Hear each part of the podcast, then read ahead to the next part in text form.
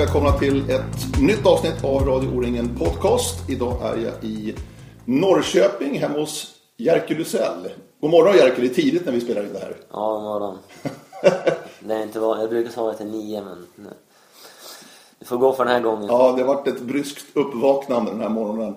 Du, eh, Norrköping Jerker, är det hemma för dig nu för tiden? Eller är det fortfarande Bollnäs och Freluga som är hemma? Ja, det, alltså, man blir ju äldre och äldre, men det är väl, det är när man skaffar barn, det då man kan säga att man har flyttat antar jag, jag vet inte. Än så länge känns det som att man är pluggar någonstans och ja, hemma är hemma liksom, men ja, det här, jag, jag, jag bor här för att jag tränar och för att jag måste plugga någonstans. Jag bor inte här för att jag, ja, jag vet inte vad jag ska säga. Jo, jag vill ju bo här också, men det är liksom, jag hade inte kommit hit annars, om man säger så. Måste plugga säger du. Du hade gärna stått över det eller? Ja, nu har jag börjat plugga mer också eftersom jag är skadad så mycket så att det blir liksom, då har jag tid att vara hemma mer. Då åker jag inte bort på läger och grejer så då tänker jag att ska jag ta mig någonstans i livet förutom orienteringen så måste jag ta tag i plugget så att nu har jag faktiskt eh, pluggat rätt mycket det senaste halvåret. Mm. Vad, vad siktar du på alltså rent studiemässigt? Vad, vad läser du? Ja, nu sa jag mycket då, men det kanske inte är så mycket egentligen. Men det jag anmäler mig till 100 procent, sen får man ju se vad som det ger. Men oftast är det tentorna där man är borta liksom, så att det, det blir ju, man skrapar ihop de här labbkurserna och projekten och grejer och sen vissa tentor då. Eh, så får man ju omtenta senare då. Men eh, så jag, 75 procent i alla fall pluggar jag. Mm. Och vad läser du? Eh, byggnadsingenjör. Okej. Vad ska du bli när du blir stor? Har, du- har du tänkt den tanken? Nej, förr skulle jag vara bygg- eller maskiningenjör i, i Borlänge då. Sen flyttade jag hit och då ville jag fortsätta tillgodoräkna poängen där, men det kunde jag inte så då fick jag byta till bygg då. Så men nu har jag bestämt mig att flytta en gång till så då kommer jag få börja om igen på noll så att nu ska jag gå här tills jag har gått klart. Så att jag blir väl här, kvar här minst tre fyra år i alla fall, det tror jag. Har, har du bra, Norrköping som träningsort, utbildningsort, är, är det bra tycker du? Ja, det är egentligen perfekt egentligen. Det är närmare till skola, det är närmare till träning. All alternativ träning är inom 10 minuter gång. Eh, bussarna får avresa till eh, orienteringsträningar är två minuter gång bort. Eh, ja, vi har bra stöttning från li- elitidrott. Ja, och det är närmare till tävlingarna. Varje vårsäsong så går jag tävlingar här runt omkring. Och är det långt ner i söder så kommer klubben att plocka upp mig här då. Och är det uppåt så är det inte så långt uppåt alltid. Och är det uppe i Kalix så då är det ju långt för alla ändå. Så att, eh, Nej men det är egentligen perfekt ställe att vara på. Förutom att det är en riktigt bra stad då. Det, det är en stor stad men det känns mer som en mindre stad liksom. Så att det inte är det här kaoset som i Stockholm och som eh, de andra städerna. Eh, jag tänkte att den här podden Jerker ska vi prata rätt mycket om sprint. Eh, som ju, du har blivit, har varit under din karriär något av form av en sprintspecialist. Även om du har lyckats på andra discipliner och distanser också. Men vad, vad började det här någonstans Jerker? Alltså när du kände att ja, sprint är nog min grej. Ja, alltså när jag var junior egentligen så då var det långdistansen som var för mig när jag var 15-16 så då insåg jag liksom att shit på långdistansen där spöar jag alla lätt tänkte jag eller vad man ska säga. För att långsträckor var min specialitet liksom att jag jäklar nu kan jag gå ut och springa fullt. Och jag var ju redan då en av de bättre i Sverige att springa. Jag har sprungit Nordiska terrängmästerskapen för Sverige och grejer i friidrott och så att eh, jag visste att jag var stark då och eh, jag eh, utnyttja den kapaciteten på långsträckor och grejer så att det blev liksom som en grej för mig. Men eh, sen när sprinten kom in i matchen och det blev satsa mot JVM och sådana där saker så då insåg jag att sprinten behövde jag knappt ta i för att vinna liksom. Och det, var väl, eh, det var väl jag eh, och bröderna Erik Johansson som var framförallt bäst på den tiden. Och liksom att eh, man kände liksom att man hade någonting där och då blev det liksom att det blev en ingång i landslaget på seniornivå sen. Då blev det att man tappade lite det här medel långdistanstänket och eh, man tränar ju fortfarande i skog och mycket skog och är ju på alla tävlingar och grejer men, men fokus framförallt är väl det som ändrades mycket och det tror jag är absolut viktigast, fokus. Det, fokuserar man eh, tillräckligt mycket så då är det det som är absolut viktigast liksom. Och, men jag har ju som sagt jag legat på sprinten då, som det, blir, det var knockout-sprinten i Göteborg där med första världscupseger och fick förtroende av Marita väldigt snabbt då, där i Stockholm också när vi sprang. Men jag blev tvåa efter Heltner, eller vad jag blev.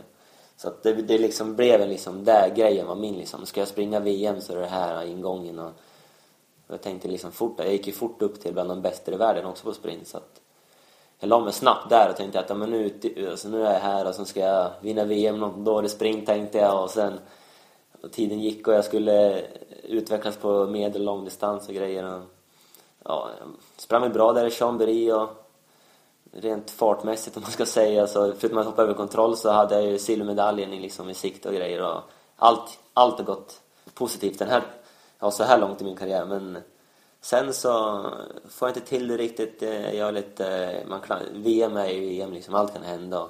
Och sen gå och åka på den här skadan i Nya Zeeland när jag verkligen kände att nu vill jag ta steget medellångt. Då gick det väldigt bra också. Eh, och efter den skadan så har jag, varje gång jag kommit tillbaka så har jag lyckats komma tillbaka till sprint. Men jag har liksom inte haft tid eller fokus för att klara av att utvecklas som medellång. Så nu har det gått två och ett halvt år här snart då med skador och grejer så att eh, jag hoppas jag får koll på dem och när jag väl kommer tillbaka så då vill jag vara bra på allt. Mm. Men eh, det är klart att sprinten är lättast nära till hands så vill jag springa VM så är det mer eller mindre knäppa med fingrarna till Håkan. Jag springer så får jag springa liksom men vi får se hur de andra eh, tävlar då men eh, just som det ser ut nu så har jag en del att jobba på för att komma tillbaka till VM i år. Mm. Eftersom jag har varit skadad nu ett halvår så att, Men jag vet att med lite träning så blir jag bra snabbt så att ja, sista tåget har inte gått än. Mm. Eh, vi återkommer till eh, dina skador här och alternativtränaren annat också Men jag tänkte upp på det här en sprint, som jag sa, sprintspecialist. Men om vi tittar på världsorientering idag så visst finns det några sprintspecialister men de som lyckas, de lyckas ju kanske lika gärna på en långdistans eller medeldistans också. Fortfarande, så är det ju. Ja, det är ju... Titta på schweizarna. Gustav ja. Bergman är också riktigt bra i sprint till exempel. Ja, Bergman har ju arbetats upp från medel, sen han orkar med lång och då har han, eh, med åren så har han ju tränat mer och han är riktigt stark så att han har ju blivit en riktig... Ja, han är ju topp 6 i sprint i världen också nu. Mm. Men vad beror det här på alltså? Var, varför har vi inte renodlade sprintspecialister? Ja. Är det det att man vill springa allting? Ja, alltså jag tycker själv att det är alldeles för tråkigt att bara satsa på VM. Jag tycker jag tror att det är lätt... I sprint menar du alltså? Om det nu blir VM, uppdelad VM, då kommer vi få sprintspecialister. För då kommer vi få ett eget VM. Då kommer det bli knockout, det kommer bli sprintstafett, det kommer bli individuella sprinten och kanske någon till. Och då, då kommer det bli så mycket mer distans så att det känns värt att satsa på det. Eh, som orienteringsvärlden ser ut nu, eller i Sverige liksom, när vi tävlar varje helg, det är med och långdistans som är det, det originella liksom, det original grenarna som folk åker, åker ut och in och springer varje helg. Det är ingen äldre person som är intresserad av att åka från Bollnäs ner till Stockholm en lördag, söndag och ta lördagskvällen och springa runt i Gamla stan med en sprintkarta. De vill ut i fin terräng, de har natur och springa.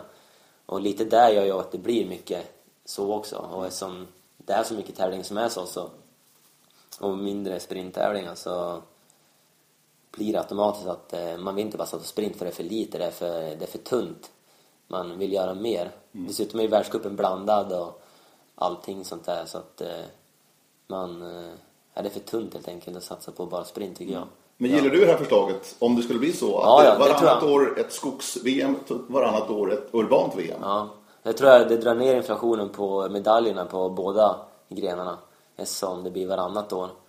Det blir som en världsmästare på skogsdistans varannat år istället för varje år. Och lika sprinten så och du får längre tid att förbereda dig och det blir ännu hårdare konkurrens och sen, eh, ja.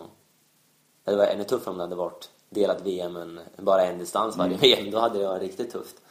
Men, eh, men jag tror att delat VM är nog mer framtid tror jag än som det ser ut nu. Mm. Du pratade om det att det är väldigt små marginaler till att lyckas och att misslyckas på en sprint. Ja. Var, var i ligger det här? Alltså, vad, vad, vad är det svåra med sprinten? Ja du, bra fråga. Jag tror, för vi har ju oftast ett gäng som är på världscuperna som levererar gång på gång oavsett säsong på, eller tid på säsongen. Och det är ju liksom schweizarna och det är jag, Jonas och Bergman och svenskarna liksom och lite, lite annat folk.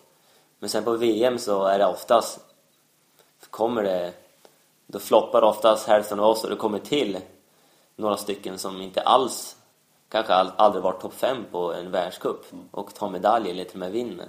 Så att det, det är någonting Nu glömde jag bort vad frågan var också. Nej, men att det är väldigt små marginaler i sprinten alltså. Ja, jo, där, där, det är där kan ju en 10 sekunders miss Nej, vara helt avgörande. Ja, och framförallt på VM så är det, då- man vet ju om det där. Då. Och det kanske är det som gör att många av de bättre floppar lite också på VM, att de vet om att det är de där eller små sekunderna. Och eh, det, det, det handlar inte om att vara 8.00 på 3000 och 8.15 egentligen. Det, det handlar om att få ut sitt max och vara rapp i benen och snabba beslut och ta de rätt vägval framförallt liksom. Och det, det kan vara ett vägval som avgör på VM. Är det 10 sekunder långsammare och är det ett klurigt vägval då kanske det är svårt att se. Då, då spelar det ingen roll om det heter Kibirius. Då, då får du inte en pall eller en medalj ändå liksom. Så att... Eh, jag vet inte om du tänkte på det, men, eh, eller det, det, det du menade. Men eh, om vi backar bandet då till Venedig förra året och sprinten under VM. När Sören Boback, dansken, tog guldet och Ture Lassen, dansken, också var på pallen. Och där vi ju eh, såg då i reportage och annat deras förberedelser. Hur minutiösa de hade varit. Och tydligen ett vinnande koncept i alla fall där i Venedig. I och med att de lyckades så pass bra. Hur, är det så ni jobbar också? På det sättet? vi hade... Det vill säga att man verkligen jobbar igenom och jobbar upp en egen karta i princip och nästan lägger banor alltså innan. Själv. Ja. Nu är det ju Venedig vi pratar om, så där fanns det en gammal karta. Och Venedig, där ändrar man ju inte på gatuhörnen precis. Det är ju historiskt och det, det sitter ju, där är gångarna som de är. Klart, de kan väl lite skeva lite gångarna, men man, och där fick vi inte gå heller, men det, det är ju så pass historiskt som sagt, så där kan vi gå med Street View då. Och då går man ju igenom varje gathörn och man bildar sin uppfattning. Och jag skulle säga att jag hade väl också, jag kände igen mig varenda gathörn, jag sprang också. Eh, så att eh, det som avgjorde min del var att man, eh, man fick lite en hjärnsläpp. Nej, där, där skulle jag sprungit in och sen jäklar, jag, fan, jag skulle ha fortsatt fokusera nu liksom. Och så har man gjort en liten tvärnit och sen starta om. Det var som tvärnita och sen springa liksom. Det, det är sådana misstag som skedde i Venedig eller man springer förbi en gräns snabbt eller någonting. Sen att man, man känner ju igen sig garanterat. Det, vi hade räknat ut starten och klart det finns ju olika alternativ vad starten kan vara men när man står på starten, ja nu vet jag vart det är, det är i parken. Sen kan man ha någon kontroll där och sen borde det bli någon långsträcka över vattnet här på något sätt. Och eh, ska jag vara ärlig, innan varvning så var det egentligen inga svåra vägvalsbedömningar. Där tror jag de flesta har egentligen bara stoppat kartan i brallan och sprungit. Det enda som lurar folk och fäller några det var att de sätter sett stängsel precis innan varvning då. Eh, annars tyckte jag att det var för lätt bana innan varvning. Det tyckte jag att eh, arrangören kunde bättre. Men eh, sen efter, efter varvning då var det faktiskt eh, lite klurigare. Men som sagt, förberedelsen av danskarna de kanske har gjort någonting med mer än alla andra men det, det är inte där de vann på. De, Vad vann man på då? Alltså de vann inte, de vann inte för att de gjorde någonting mer än någon annan Nej. likt där. Men jag tror de, de själva höjde sig oerhört mycket för att jag vet att Boba har varit skadad och han hade sagt att jag fokuserar bara på sprinten i år för att jag var så mycket skadad. Och då blev det att han blev så jäkla bra på sprinten och höjde sig löpmässigt. Sen eh, hade de ju också förberett sig 100% ingen press överhuvudtaget. Bara in och köra så bra de kan. Jag tror inte ens han, han tänkte på medalj innan starten, så han ville bara göra sitt bästa. Det är väl snarare Ture Lassen som har en bakgrund på sprint som, som kan leda till medalj. Men att Boba skulle göra det, det kunde väl ingen gissa egentligen. Och eh, det, han gick väl bara in och körde och hade gjort sin förberedelse och inte, ingen visste om att han skulle vara så bra heller och han hade inte visat det på världscupen innan heller. Och inte efteråt heller framförallt så att det, det, Han hade dagen. Ja, han hade dagen. Men så brukar det se ut på VM. Ja. Det är 50% vinnare av sprint-VM är ju skrällar och resten är... Så att, eh, det är ingen garanti att du har vunnit två världscuper innan. Men eh, vad säger du om den här utvecklingen? Det vill säga att ni har så pass klart för vad som väntar. Alltså när ni går in i detalj. Så mycket ni bara får. Ja. Det är ju reglerat till viss del. Ni får inte vara i, i, eh, i det avlysta området med en karta. Nej, Men alltså, det beror sig på. Det kan ju vara så ibland. Det vara. Nu får vi vara där i år. Ja. Eftersom det är en sån stad som tillåter det. mm. Men alltså om vi säger nu inför Skottland här och, och sprinten i augusti, början på augusti. Mm. Håller, du fort, håller du redan nu på och tittar och jobbar med det?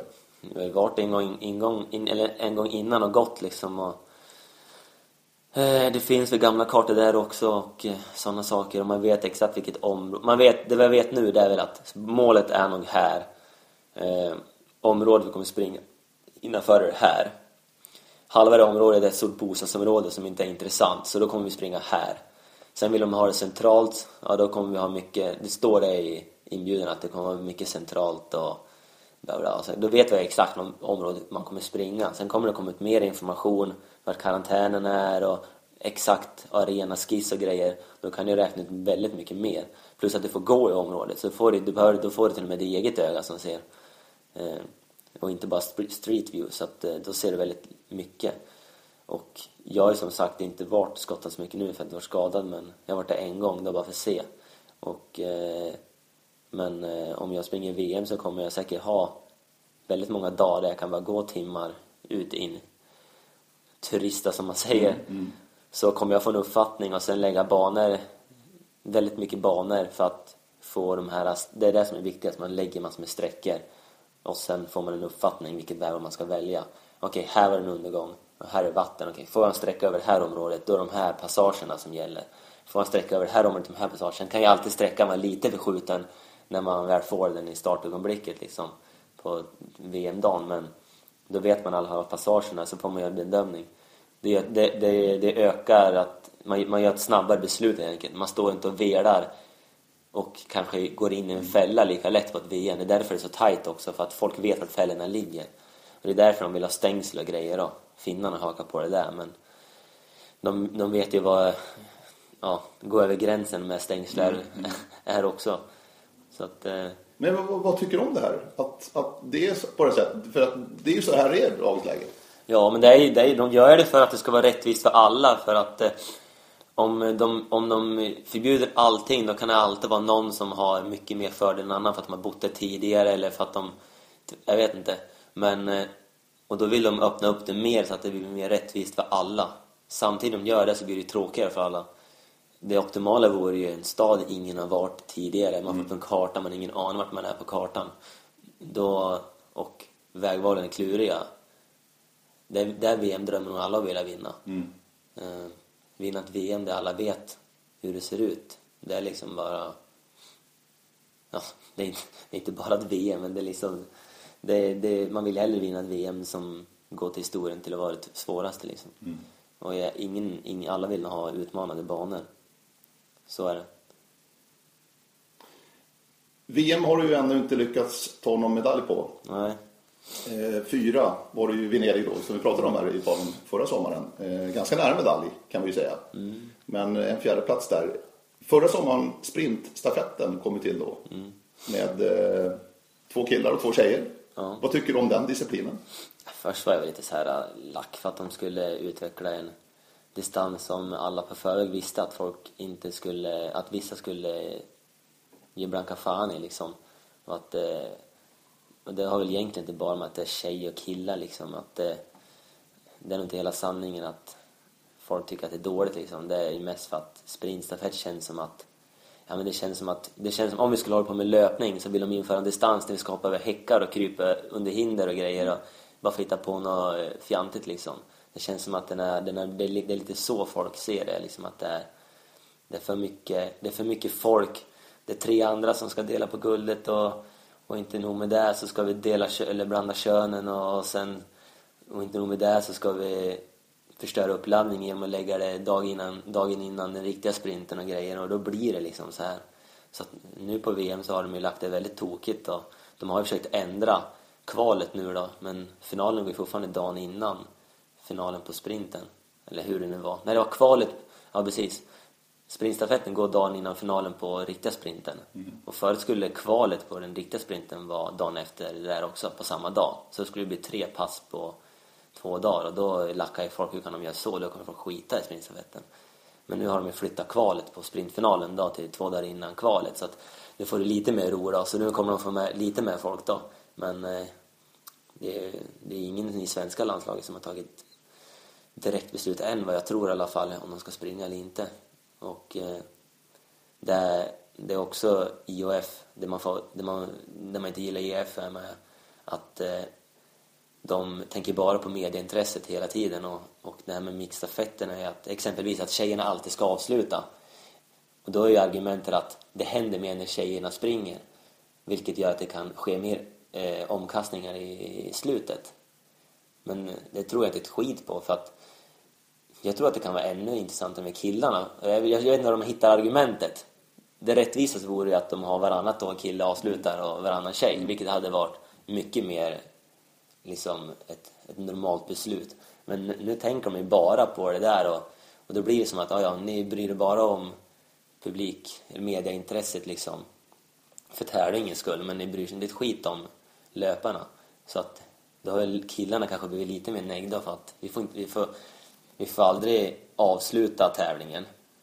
Och vi får eh, liksom, ja det finns många faktorer som gör att... Och inte starta den heller. Ja. Så Humman, han tycker ju att det knappt är en distans han. Daniel Humman, så han, han, han sa ju direkt när det kom upp på listan att jag kommer inte springa det där. Och det är ju synd, för han är ju den bästa genom tiderna på sprint. Det är ju tråkigt att det är så. Jag tror ni skulle bli glada, kommer en ny sprintdisciplin liksom, men det låter inte som det på dig Jerker. Nej, jag tror ingen jublar över den där distansen. Det tror jag. Det är de här mindre nationerna då, men det blir ännu tuffare för dem att springa bra på den distansen när de ska ha fyra löpare plötsligt också. Jag tror att eh, en, eh, två, eller en, en herrstafett och en damstafett med ja, i herrstafetten två killar och tjejstafetten två tjejer Alltså som en, en tvåmannastafett egentligen och delad med kön då. Det tror jag hade varit det bästa. Mm. Om det hade varit en stafett. Mm. Lite som på skidor då. Det tror jag hade varit mest intressant. Mm. Få springa med Jonas eller Bergman eller Jonas och Bergman sprungit eller Ja, just det. Ja. det hade, då hade vi riktigt tight. Då hade det, då hade det blivit riktigt intressant på mm. herrsidan kan jag säga. Och tjejsidan också dessutom. Men det, man har ju mest koll på herrsidan. Och det vet jag om att det skulle bli väldigt mm. intressant. Så att det förstår jag inte hur de tänkte egentligen. För er som inte insatta så är det alltså fyra sträckor eh, och det är bestämt att dam, herre, herre, dam är alltså sträckordningen på VM. Mm. Eh, nu blir det ett SM också i sommar i Sundsvall ja. eh, med sprintstafetten. Där kommer vi köra samma, samma ordningsföljd det här året. Men där är det ju öppet för att ändra det året efter tror jag. Mm. När det här är Norrköping förresten, ja. 2016. Men SM då och sprintstafetten, vad tror du om det? Ja, det har ju ren SPK lite mer fördel då, mm. om det är delat tänkte jag säga. Eller nu vet jag inte, det är väl jag och brorsan då. Ja. Som hade varit bra om Men två tjejer behöver ni också. Men nu har vi två tjejer och eh, vi har bra tjejer så att eh, framförallt Kristin där, hon var ju topp tre på SM i fjol i D20-klassen så att eh, det... Sitter den ganska högt upp på målsättning för deras BK den här, den här säsongen? Ja, vi har väl... Alla vet väl om att det finns det. Vi har inte satt, satt oss ner direkt. Det blir som det blir liksom, men det är ju... Det är inte lika lätt nu för tiden heller. Nu måste man ju ha folk som... Man kan inte bara ta in en utländsk tjej eller någonting heller liksom. Nu måste du ha någon som mm. inte har sprungit utländskt mästerskap innan. Så att... Eh, eh, det är inte lika lätt att samla personer. Så att vi, jag, tror inte, jag tror inte att vi är ensamma att inte ha fyra riktigt, riktigt vassa liksom. Mm. Men eh, ja, vi har fyra, vi har fyra stycken bra lag, det vet jag i alla fall. Mm. Så att eh, vi kan nog räcka långt där. Jag vet inte om jag springer ens överhuvudtaget heller men... Nej precis. Äh, Hur är det med din fot egentligen? Du har haft problem nu i ett par års tid egentligen. Ja, det är mer än två år nu.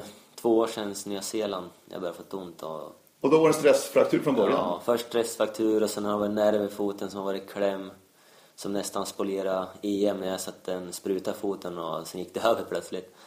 Nu lät det lite dåligt men det var, det var så det var i alla fall. Det var en, en, en nerv som fick slappna av och då gick det springa plötsligt. Och det hade jag haft ont i flera månader utan att veta riktigt vart det var. Och sen haft ont i hälsenorna inför förra säsongen i Turkiet och grejer och inte VM. Eller det var ett EM det också, det var ju samtidigt med nerven och sen efter världscupsavslutningen nu då så fick jag ont i senfäste i samma ställe jag hade stressfrakturen så att nu har jag haft ont i ett halvår där och inte kunnat springa ordentligt så att, eh, hur frustrerande är det här för dig Jerker? Ja, det är lite segt liksom men jag sa väl det för två år sedan att jag kan vara skadad i åtta år jag kommer fortfarande upp och träna träna och det, det stämmer också men det börjar bli lite segt. Mm. Två, två och ett halvt år i, i poolen, det är ju liksom, man luktar ju klor liksom konstant och Tur, som tur har jag inte några problem med huden i alla fall, så jag får utslag och grejer. det, jag har bra sällskap med Anton Johansson som eh, dessvärre fick återfall av sin stressfraktur nu då, så att eh, det, vi, ja, får, vi... vi, får, vi får eh, motivera varandra i poolen så att eh. mm. Ja, vi träffade ju Anton här på podden också för ett par månader sedan och då var det rätt okej, okay. han var på väg tillbaka men sen fick han ju ett riktigt bakslag och en riktig fraktur nu så att hela säsongen förmodligen borta för Anton. Ja, det är riktigt tråkigt. Han hade ju en, en riktigt bra upptrappning, eller han hade liksom inga problem egentligen. Han gjorde det läkaren sa och sen trappade upp och kände ingenting i foten. Och man var lite, lite svartsjuk på honom där, eller avundsjuk om man säger. Mm, Och liksom att, eh, fan, jag har en liten inflammation och han har haft en stressfraktur och ändå går det fortare för han att läka liksom. Och sen, eh, allt var frid och fröjd och sen plötsligt bara sa han en dag liksom att nej, idag fick jag krypa hem från skogen och nu har jag en stressfraktur liksom på samma ställe liksom. Det är liksom Ja, nu är det en fraktur. Ja, det är helt obegripligt egentligen att Ja. det kan gå så snett men det, ja, han kommer väl tillbaks lagom till han fick skadan nu. Det tar ett år för han. Sen tar det ett halvår att komma tillbaks ytterligare från Mm. det också. Så. Men ändå är du ju, du är ju med lite grann. Eh, Nu, världscupen nere i Tasmanien, så var du med Jerker. Ja. Var, var du, var du okej liksom där eller? Nej, alltså jag, jag, fortfarande, jag känner ju fortfarande idag när vi pratar att det är någonting i foten. Under så har det känts i två och ett halvt år för mig. Så att ena högerfoten har ju varit klumpigare än den andra. Jag inte känt mig lätt sen jag sprang Hässelbyloppet för två, tre år sedan på 29.50 liksom.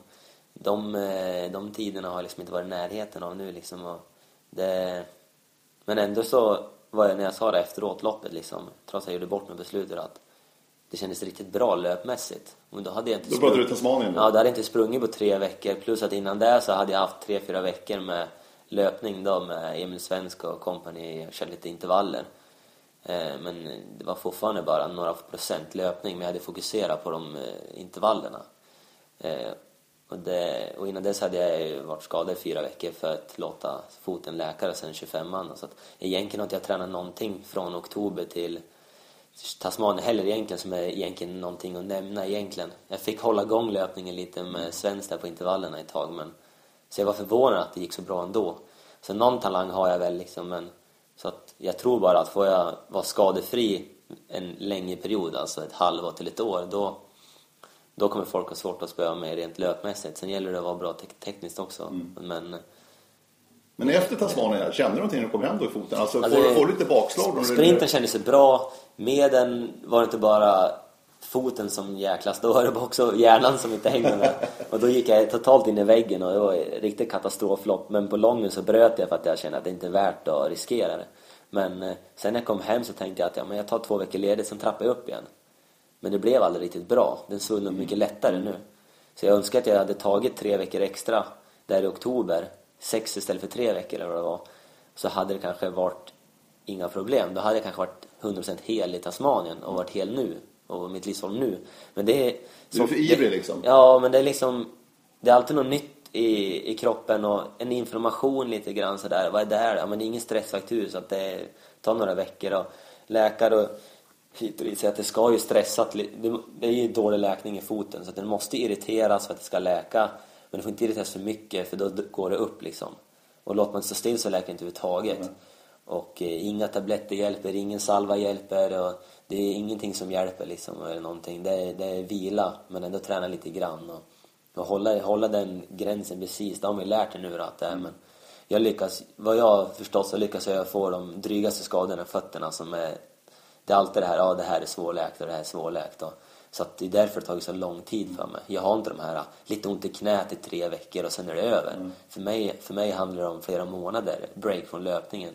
Så jag är ju mer van, skogen är snart främmande för mig igen, skulle jag säga. Det är liksom det är ju gå till gymmet och heja på samma receptionist varje dag. Andra gången för dagen man drar kortet liksom och, och bada och lukta klor liksom. Det är ju det som är min vardag nu.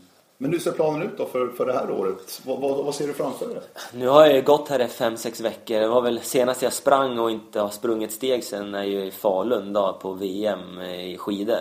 När jag var där. Då fick jag ett bakslag i upptrappningen. Så då tänkte jag, nej nu jävlar måste jag tänka till något nytt. Så då har jag gått på stötverksbehandlingar och grejer då, och lite hokus pokus grejer och och jag vet inte om det är tiden som har gjort att jag vilar eller om det är stötverksbehandling som har gjort att jag hjälpt till att läka fortare. Men det är skitsamma, det bara blir bättre. Så nu, har, nu är väl min förhoppning att när jag gör min sista behandling nu på måndag så ska jag antingen ta någon vecka eller två eller trappa upp väldigt långsamt igen. För så här mycket har jag inte vilat sedan tidigare. Men, och foten känns ju bättre och bättre. Men eh, vi får väl se. Jag tänkte trappa upp i alla fall. Om vi säger om två veckor tänker jag trappa upp. Och då tar det en månad att komma upp till i alla fall eh, rimliga mängdträningar. Och då blir det ju myr framför allt då, eller på sån här antigravitationslöpband eller det blir ju inte ren asfaltslöpning 100% direkt. Det, det blir långsam upptrappning. Så även fast jag trappar upp så är, ja. är jag fortfarande långt ifrån full träning. Mm. Men tävlingsmässigt då, den här säsongen? Ja, då- Vad, vad vill, vad, vad, vad Jag, jag har ju insett att träningsläger i Skottland nu, eller Silva League Åmål ryker ju långa vägar. Då har jag knappt börjat sprunga och Skottlandläger i landslaget ryker. Eh, sen har du uttagningstävlingar i Säter eller Gyllbergen eller vart det ska vara någonstans. Det ser jag, jag har knappt koll längre. Det är inte Gyllbergen i alla fall. Men Nej, Säter det är någonstans Och sen är det. Bjursås. Ja, Bjursås, ja. Men eh, så där ryker ju också, där ryker också. Och då vet jag att ja, men då ryker ju fortfarande chansen att kvalificera till något annat liksom. Då är det sprinten som gäller igen i år då. För sjätte året då någonting. Och sen Sen är ja, tvek på Jukkola och eh, det är väl sprint-SM som jag inte sagt nej direkt än då för jag, det är, Slutet på juni. ja, jag blir en liten ambassadör där genom att jag har, de, de ska marknadsföra det där genom, vad blir det? Ja men tävlingarna vill ha någon eh, som de har och då har jag sagt att där vill jag försöka springa. Eh, Men eh, vi får väl se. Det är väl där, sprint-SM i juni, eller när det går någonstans. I Sundsvall i slutet på juni. Ja, ja. det står kul att springa. Sundsvall är ju nästan hemma i alla fall. Ja, Det är verkligen. mer hemma för mig än någon annan i alla fall. Så att, eh, Och det var ju pratat om tidigare också, då är det ju sprintstafett också. ja. På ja SM-programmet. nej, men för, det är, egentligen skiter jag fullständigt i sprinten egentligen också. Det för mig är det bara kul om jag kunde vara skadefri och eh, skulle kunna träna ordentligt.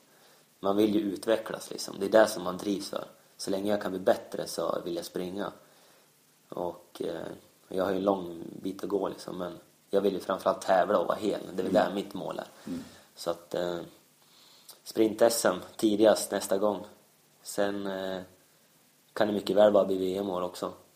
Sen får vi se jag, om jag har stort förtroende från Håkan och gå direkt in på VM utan att kvalificera mig. Och, vi får väl se.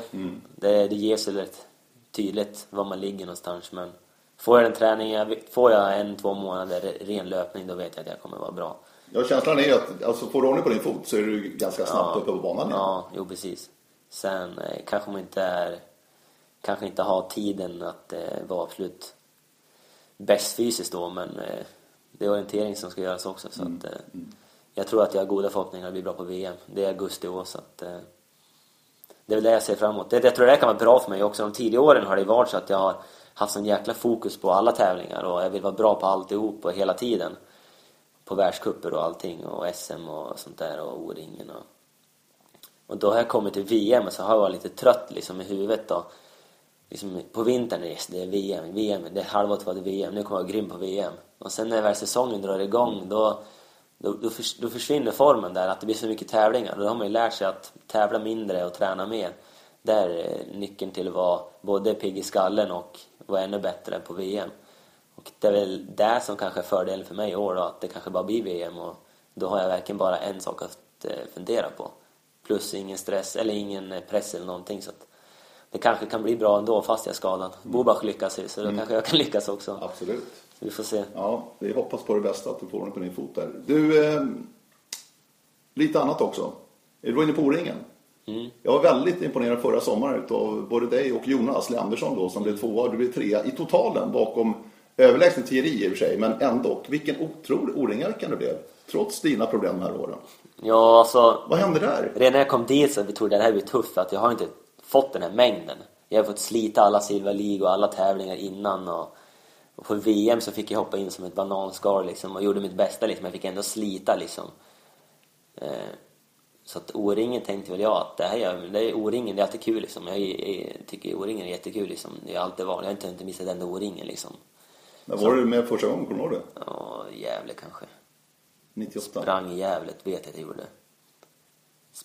Ja, Gävle i alla fall. Ja. Så det är väl i alla fall...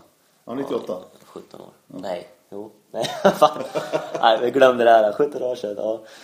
ja, nej men så jag har varit med på mycket. Så är det. Ja. Så att ehm, det, det vill jag inte missa heller. Så att eh, i år kommer jag missa det som det går före VM för Mm. första gången. Så att, eh, så att det är lite synd. Men O-ringen har varit en del av, Ja, jag- av er familj helt enkelt. Ja, jo det har ju varit det. Men jag, om går tillbaks där på O-ringen i fjol så jag vet inte riktigt vad som... Jag hade, visste inte vad jag skulle vänta. Sprinten, ja, den är som den är. Det var jag och Jonas på förhand eh, mot varandra på sprinten och han drog det längsta strået och sen Sen kom han som ett spjut där på långdistansen och jag var egentligen ingen pigg.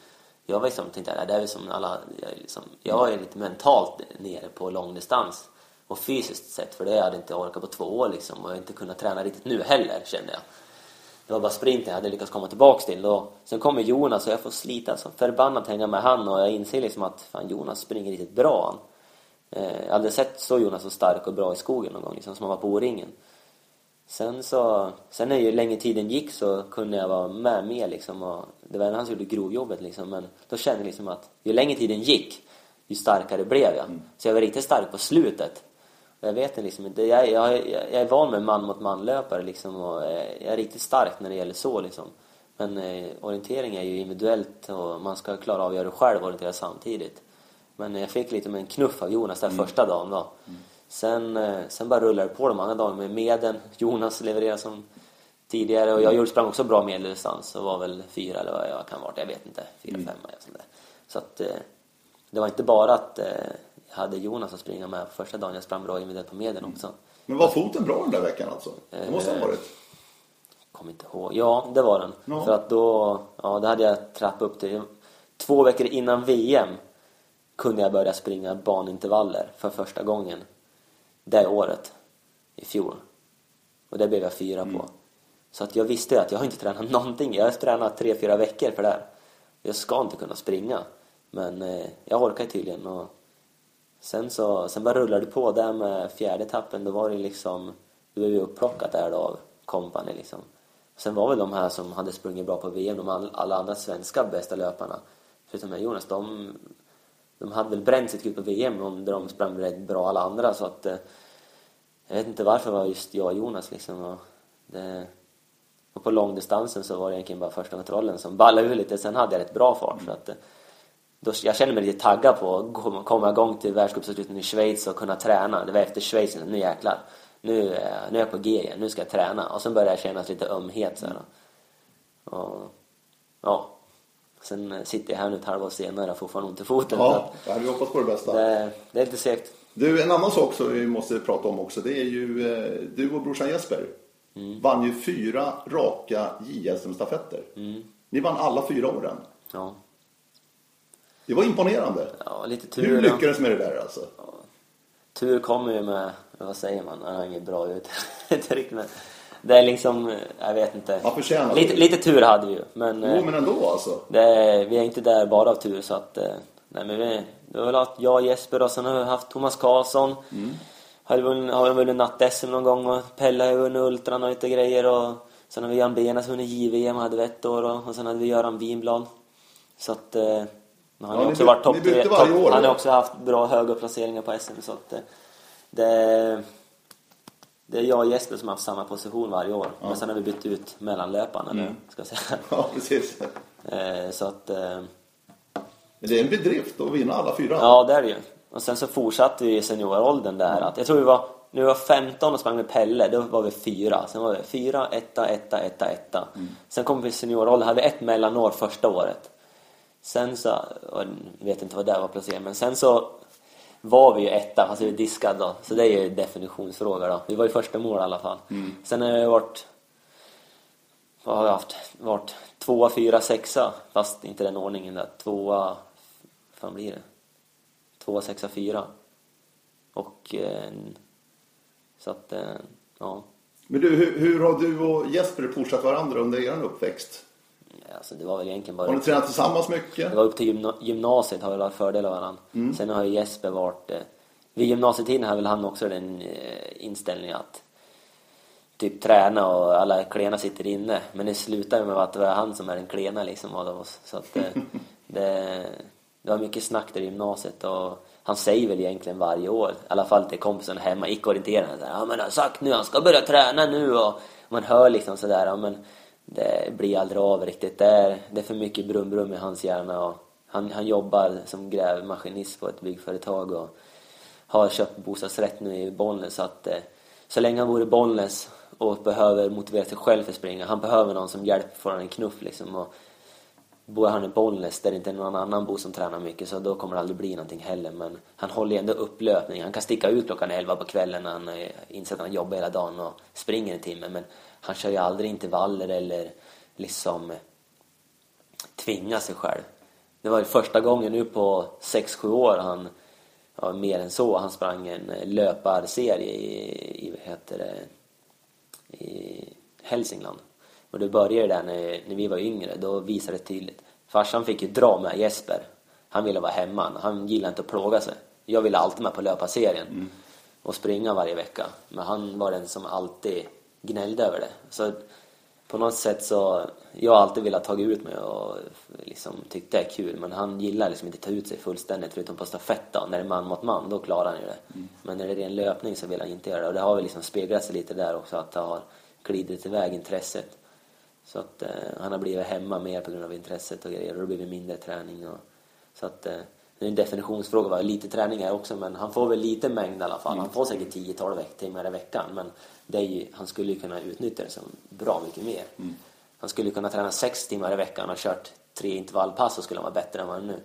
Så att eh, det är lite segt. Man vill ju mest, alltså då tänker jag bara på klubbverksamheten liksom att ska vi vinna 10 mil så måste vi ha folk. Mm. Då funkar det inte att eh, liksom en av våra bästa löpare inte utnyttjar sin maxpotential. Vi vill ju inte använda en sån som han på en första sträcka egentligen. Det vill, han vill ju använda på en lång sträcka mm. där han går ut själv.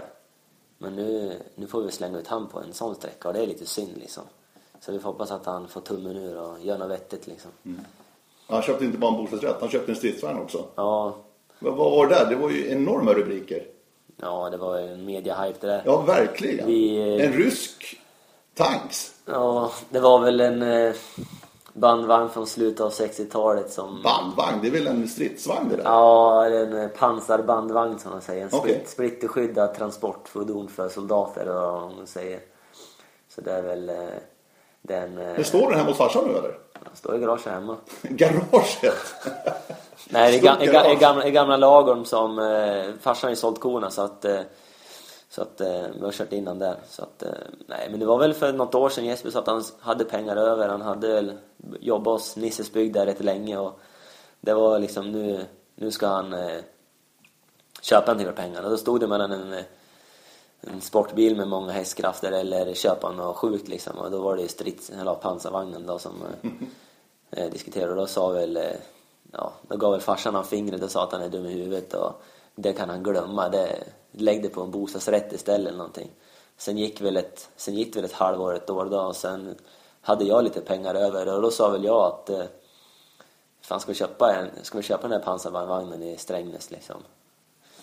Då har ju Mirmak där nere som säljer en jäkla massa ja, ja. militärutrustningar och grejer och då, och då kollade vi upp det där och sen bestämde att vi skulle köpa det. Sen hade vi den i två, tre månader. Men sen så fick de en ny som det eh, Mattias Karlssons brorsa, nej vad säger jag? Eh, Mattias Karlsson, det är Jonas Karlsson med brorsan då. Mattias Karlsson på förbundet som är medieansvarig, han fick väl nyss en pansarbandvagnen en dag och på Idrottsgalan så hade väl han liksom eh, släppt det till sin brorsa då, Jonas Karlsson och då hade väl han twittrat där med 40 000 eh, besök, eller vad säger man, följare med sin Twitter och då, då dagen efter så hade ju både Aftonbladet, Expressen och alla hört av sig. Och då var ju cirkusen igång igen. Så att, eh, det var på den vägen egentligen. Så att, eh, Men vad ska man ha en sån där till? Ja, jag har inte kunnat kört den mer än två gånger nu. För varje gång jag har varit hemma så har, vi, har den alltid det har alltid varit problem med soppatanken. Att okay. det har varit för mycket vatten i den. Att det blivit isen som har pluggat igen bränsletillförseln. Mm. Eller så har det varit att vi har kört ner och fastnat en myr som senast för några veckor sedan. Då skulle vi ut på myren nedanför där. Bajsmyren som vi säger. Och då eh, var det massor med döda träd och skit och sen skulle vi över isen där då. Han hade kört fast där några månader innan liksom. Och då bara åkte vi full fart och sen satt det rejält nere i myren. Hela, hela maskinen var nere under vatten i princip. Och då tog det väl, det var väl med massor med vajrar och stoppar och grejer så till slut som en traktor och 6-7 timmar senare klockan sent på kvällen så fick vi upp den. Det var riktigt meck där och då det är liksom sånt vi håller på med. Kör över grejer. Jag vet, TV4 var väl där för några veckor sedan och Jesper gjorde ett reportage när han körde över någon bil och jag vet inte, det är väl vi får se när intresset svarar men den blir väl stående så småningom antar jag. Mm. Det är väl vissa som vill låna den till eh, balen och grejer och komma in på eh, ja, komma in med den och liksom och vi har väl lite förfrågningar om sådana saker och senast var det väl något företag som har åkt lite grann sådär. Mm. Men. Vi köpte den för att vi kunde helt enkelt. Det var väl liksom inget annat än så. Nej. Sen får man väl säga vad man vill rent ekonomiskt men vi gjorde det i alla fall. Så att, eh, det är som det är det. Det blir nog bra. En annan sak som jag tänkt på som jag tycker är väldigt, väldigt kul är att du och brorsan också, men att ni är kvar i era moderklubb, Rens BK. Mm. Trots säkert en hel del lockelser från andra klubbar. Vad beror det på? Att du ändå är kvar där Jerker, under alla år? Så jag har ju haft lockelser från klubbarna tidigare, men alla vet ju om att eh, Lysell rör sig inte. Han kommer, alltså det var flera år sedan nu, någon som hörde av sig och folk vet om att eh, jag byter liksom inte. Så att det var länge sedan men... Ja, det är väl... Eh, nej, men jag vet liksom... jag absolut. absolut. Jag, är, jag är hellre tia med Rens BK än vinner fem med Kalmar Raster liksom.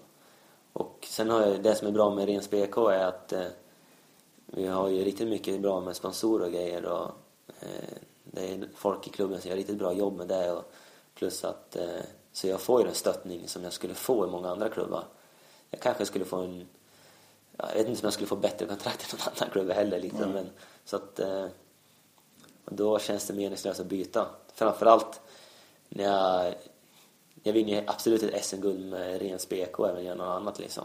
Jag vill vinna, jag vill, jag vinner nästan mer för klubben än vinner det för, vad heter det, mig själv liksom. Mm. Skulle jag vinna VM-guld så skulle jag tycka det var skitkul att Rens BK fick ett VM-guld liksom. Mm. Skulle jag då springa, springa för en annan storklubb i Sverige så skulle bara, skulle det bara vara för min egen vinning liksom. Även fast det är sin egen vinning nu också. Men det är liksom... Det, nej, men det är stöttningen och ni är fortfarande ett skönt gäng liksom. Och det, det ballar ur lite och det är liksom skön, skön stämning liksom. Det, du värdesätter det... Skön, skönt snack i klubben liksom. Ja, jag förstår det. Jag förstår det. Du värdesätter det som eh, lagidrotten har problem med, klubbkänslan. Ja. ja. Det är väldigt viktigt. Ja. Mm. Så att det, men det tror jag, jag är inte den enda. Det har ju Peter Öberg och lite annat folk också som håller sig till samma klubbar liksom. Och, Gustav Bergman? Ja, Gustav Bergman. Så att eh, det finns liksom ingen anledning om man eh, trivs där. Jag mm. tror att både de tycker det är skitkul att vara med i deras moderklubb ute. Man känner alla och man liksom, mm. ja. Annars blir det lätt att det blir bara en träningsgrupp eller liksom en grupp liksom. Man är så samma ålder allihopa och grejer. Men nu är det liksom, ja, samma ålder i och för sig, men det är, det, det är roligare att umgås med dem. Mm. Än bara umgås med landslags eh, hela tiden. Mm. Eh, trevligt att träffa dig Jerker. Samma. Eh, vackert väder, det är en lördag i april. Mm. finns säkert tävlingar att springa med för dig eller någonting annat idag. Ja. Så fort är det badhuset Så fort du försvinner ifrån ska jag gå till badhuset ja, det... med Jakob Enmark så att... Eh, då, så att, eh, ja. Det är badet som gäller, mm. intervaller i poolen. Hoppas du får ordning på den här foten. Ja, tack ska du ha. Så att du får en fin säsong här 2015. Och har ni synpunkter som vanligt, radio snabelaoringen.se är adressen. Ehm, det var alltså Jerker Lusell i Norrköping. Ha det bra. hejdå!